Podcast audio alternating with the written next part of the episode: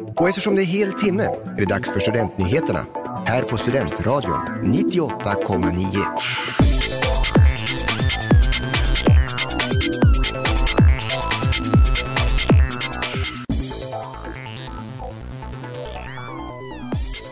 Uppvärmningen slår nya rekord. Vård skjuts upp. Muterat virus i Uppsala och årets Uppsala student. Det här är veckans nyheter.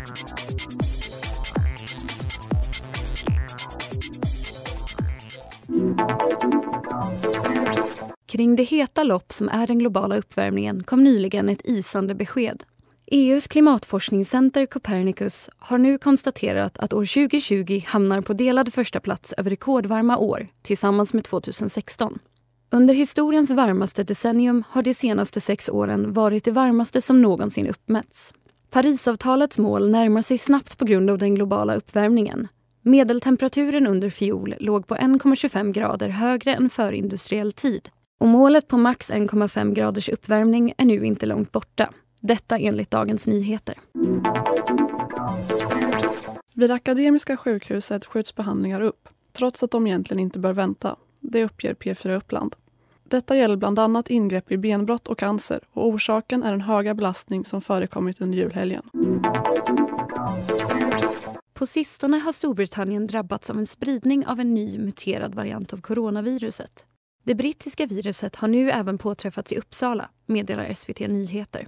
Johan Nöjd, smittskyddsläkare i Region Uppsala, berättar att bland de fall som upptäckts har ingen av de insjuknade nyligen befunnit sig i Storbritannien eller varit i direkt kontakt med någon som har varit det. Även om man poängterar att dessa fall inte nödvändigtvis utgör någon större fara i sig är implikationerna oroande. Priset som årets Uppsalastudent 2020 tilldelas psykologstudenten Mamdu Halava det rapporterar Ergo. Utmärkelsen delas varje år ut till en student som utmärkt sig lite extra genom till exempel entreprenörskap eller engagemang i kår eller nation. Årets Uppsala-student har under sin studietid både hunnit ge ut boken Like, där han tillämpar ett psykologiskt perspektiv på sociala medier och utveckla appen Seeds, där människor får hjälp med att hitta meningsfulla vanor. För sina insatser tilldelas Mamdu Halava förutom utmärkelsen även 100 000 kronor. Det här var nyheterna på Studentradion 98,9. Med Elvira Oberger och mig, Hanna Valfridsson.